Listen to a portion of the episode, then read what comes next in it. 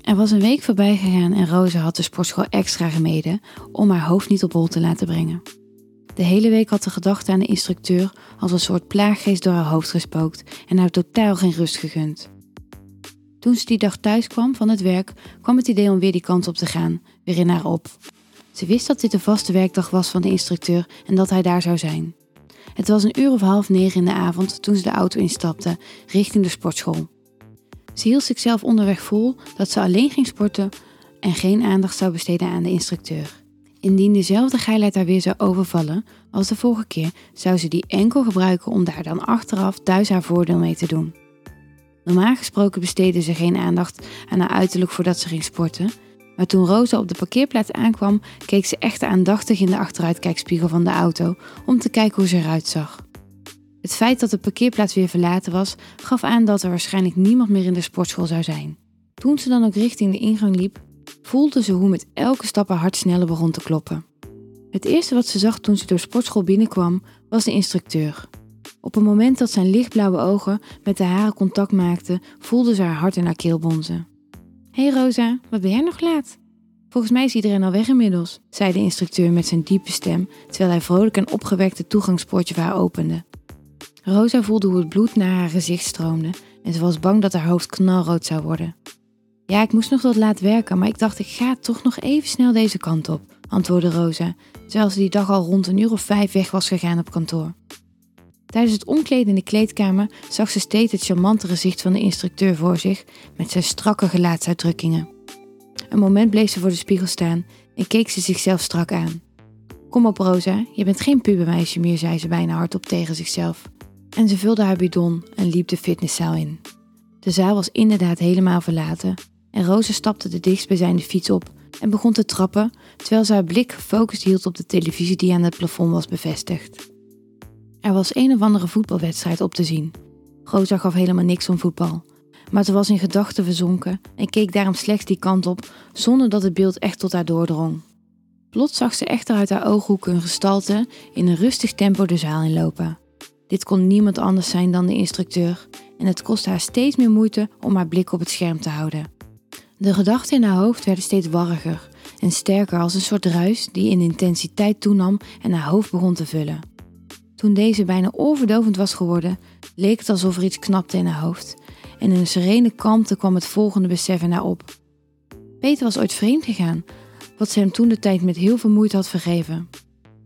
Hij was met zijn werk een tijdje op reis geweest en had in een of ander hotel liggen naaien toen de relatie een tijdje stroef verliep. Pas na enkele maanden had het schuldgevoel hem gebroken en had hij het tegen haar opgebiecht. Vroeger bracht de gedachte aan dit feit altijd een vlaag van woede en verdriet met zich mee. Maar dit was nu echter niet het geval. Heel eventjes sloot ze haar ogen en rook ze zijn heerlijke parfumlucht. Ze keek glimlachend opzij en ze zag dat de instructeur op de fiets naast haar was gaan zitten. Ik dacht, ik kom er even gezellig bij. Anders zit hij hier ook zo alleen, zei de instructeur met een knipoog, waarbij hij zijn mondhoek aan dezelfde zijde lichtjes optrok. Ja, gezellig. Er is verder voor jou ook weinig te doen vanavond, of niet? vroeg Rosa enthousiast. De avonden zijn inderdaad vrij saai, bevestigde hij, terwijl hij zijn hoofd op zijn hand liet rusten en in de verte staarde. Hij leek echter direct op te schrikken en vervolgde opgewekt. Daarom extra gezellig dat je nog hebt besloten om te komen. Rosa moest lachen en ze voelde hoe de ongemakkelijkheid die ze eerder ervaarde langzaam begon weg te eppen. Als je toch niets te doen hebt, zou je dan misschien nog een keer het schema met mij willen doornemen? vroeg Rosa, terwijl ze probeerde om haar hoofd koel te houden. Tuurlijk, geen probleem, antwoordde hij. Telkens als hij liet zien hoe het moest en daarbij zijn spieren aanspande, werd Rosa bang dat ze te duidelijk naar hem staarde. Maar toen besefte ze zich dat dit de bedoeling was, omdat ze de oefening vervolgens moest gaan nadoen en dat het daardoor niet opviel. Het schema werd in korte tijd doorgenomen en ze stonden nog wel bij de deur van de dameskleedkamer na te praten. Met de minuut voelde Rosa zich meer ontspannen en zelfverzekerd en ze besloot te vragen of hij een vriendin had. Hij gaf aan dat de relatie die hij had gehad een tijdje geleden was stuk gelopen. Rosa keek hem verdrietig aan, terwijl ze zichzelf erop betrapte dat ze diep van binnen deze emotie totaal niet ervaarde. Ach ja, zo'n knap kerel als jij heeft zo weer een nieuwe, zei Rosa, terwijl ze haar schouders ophaalde. Het was eruit voordat ze het door had en ze merkte dat ze begon te blozen. De instructeur moest hardop lachen, terwijl hij zijn blik afwendde door naar de vloer te kijken en antwoordde dat hij het hoopte. Ze zag dat hij iets wat van zijn stuk was gebracht door deze opmerking en heel even viel er een stilte tussen de twee. Toen hij zijn blik in een rustig tempo weer naar boven opwierp, zag ze dat hij haar lichaam in zich opnam. Hij keek haar plotseling recht aan en ze had het idee dat ze verdronk in zijn diepbruine ogen. Ze stonden slechts een halve meter van elkaar af en Rosa voelde haar knieën knikken. En heel even was ze bang dat ze zou flauwvallen. Bijna automatisch sloot ze langzaam ogen, terwijl ze haar mond een heel klein beetje open liet vallen. Ineens voelde ze hoe zijn hand haar middel stevig vastpakte, terwijl hij de andere door haar haren liet glijden. Op het moment dat hij haar zachte lippen krachtig tegen die van haar drukte, had ze het gevoel dat ze smolt. Direct daarna trok hij zijn hoofd terug en keek haar met een dierlijke blik aan. Hij liet haar middel los. Terwijl hij haar strak bleef aankijken, gooide hij de deur van de kleedkamer open. Eenmaal binnengekomen drukte hij haar met één hand om haar nek stevig met de rug tegen de muur aan. Al zoenen trok hij met zijn andere hand haar topje omhoog en ging haar tegen haar aanstaan. Hierdoor voelde ze zijn erectie tegen haar buik aandrukken. Rosa liet de handen sensueel onder zijn shirt glijden, waardoor ze zijn harde buikspieren onder haar vingers voelde. In een krachtige beweging trok hij zijn shirt uit en smeet deze zonder om te kijken achter zich neer.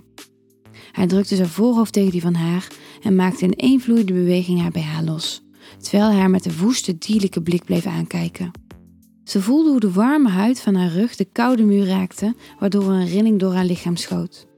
Hij begon haar nek te zoenen, legde zijn handen op haar billen, drukte zijn duim onder de rand van haar legging en begon deze omlaag te trekken, waarbij haar string meekwam. Roze hielp hem met één hand mee, terwijl ze de andere hand over de rand van zijn trainingsbroek liet glijden. Ze kantelde haar hand, waardoor ze met de palm tegen zijn warme onderbuik drukte en liet deze heel traag naar onderen zakken. Zijn geslacht stond al volledig omhoog gericht, waardoor deze al na enkele centimeters haar volledige hand vulde met zijn kloppende warmte. Hij trok zijn trainingsbroek volledig omlaag, waardoor ze nu beide helemaal naakt tegen elkaar aanstonden. Op het moment dat Rosa met haar andere hand zachtjes zijn ballen sloot, voelde ze hoe hij met zijn warme vingertoppen over haar bovenbeen wreef. Bijna in slow motion bewogen deze vingers naar haar kruis. Terwijl ze hem langzaam aftrok, voelde ze hoe hij contact maakte met haar schaamlippen en kreunde zachtjes van genot. Ze was al ontzettend nat en hij liet zonder moeite zijn vingers naar binnen glijden. Rosa voelde hoe een warmte haar hele lichaam in vuur en vlam zette en ze versnelde het tempo van haar handen, waardoor de instructeur zijn adem verzwaarde. Hij trok zachtjes zijn hand terug, legde deze op haar heup en draaide haar krachtig om, waardoor ze met haar borsten tegen de muur aan werd geduwd. Hij schoof één hand over haar buik omhoog en greep hiermee haar borsten stevig vast. Hij kneep zachtjes in haar tepels en de hand die op haar heup rustte, gleed over haar lies heen naar onderen.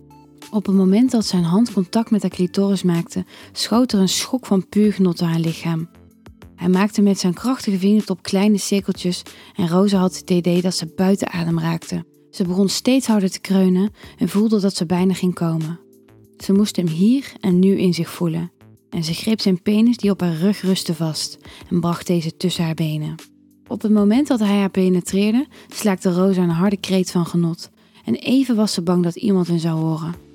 Maar hierna kwam snel het besef dat het al na sluitingstijd was en dat ze helemaal alleen in het gebouw waren. Terwijl hij langzaamaan begon te stoten, liet hij haar borsten los en bracht zijn hand naar haar mond. Hij duwde zijn handpalm tegen haar mond en duwde zijn wijsvinger tegen haar lippen, die ze zonder aarzelen met haar mond omsloot. Rosa voelde hoe hij steeds sneller begon te stoten en ze wou het uitschreeuwen van genot, wat enkel uitbleef totdat ze hard aan zijn wijsvinger zoog. De kleedkamer werd gevuld door het geluid van haar billen die in een steeds sneller tempo contact maakten met zijn schaambeen. Het zware geheig van de instructeur hoorde ze achter zich steeds zwaarder worden. Hij liet zijn hand weer naar beneden afzakken en greep nu met beide handen haar heupen vast, terwijl hij zo diep bij haar binnendrong dat ze bijna niet meer kon uithouden. Nu de hand voor haar mond weg was, begon Rosa steeds harder te kreunen, wat de instructeur nog meer op leek te vinden. Rosa voelde hoe de golven van genot steeds sterker werden en haar benen begonnen te trillen terwijl hij haar nog steviger tegen de muur drukte. Zijn adem stokte. Hij greep haar haren vast, trok haar hoofd naar achteren en plot volgde er enkele zeer harde stoten waarna hij diep in haar bleef zitten. Rosa schreeuwde het uit van genot en kwam heerlijk klaar, waardoor haar hele lichaam schokte. Terwijl ze trillend op haar benen stond, voelde ze hoe hij naar klaar kwam, terwijl zijn krachtige greep waarmee hij haar vasthield verzwakte. Ze lieten zich allebei op de koude vloer vallen.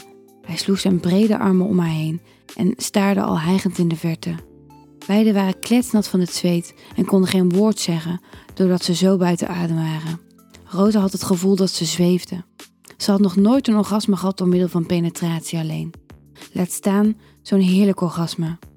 Ze keek de instructeur met ondeugende blik aan en zei: Heb je volgende week misschien tijd voor een nieuw schema?